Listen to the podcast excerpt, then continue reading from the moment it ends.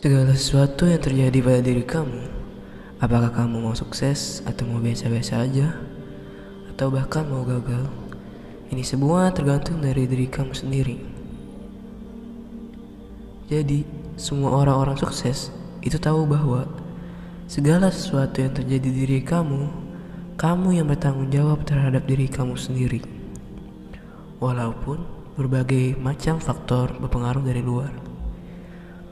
Tapi kamu bisa mengubah sebanyak-banyaknya yang bisa kamu ubah.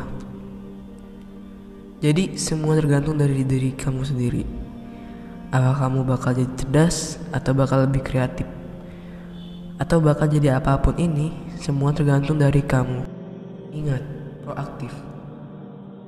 Jadi sifat proaktif ini jangan sampai kamu terpengaruh sama apa pun dari luar.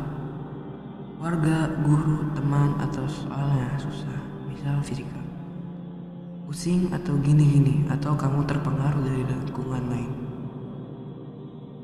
Kamu sendiri bakal menentukan kamu mau berpikir tentang diri kamu seperti apa kamu, apa yang bakal kamu lakuin.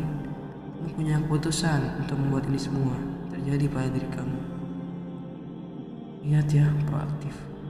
Bagaimana kamu sendiri yang bakal memutuskan segala apa pun kamu pikirin, yang kamu lakuin, cara kamu berpikir tentang segala hal. Ini semua kamu sendiri yang kamu pikirkan. Kamu sendiri yang kamu pikirin dan ini merupakan suatu step untuk kematangan, mandirian, maturity, dewasaan, becoming independent.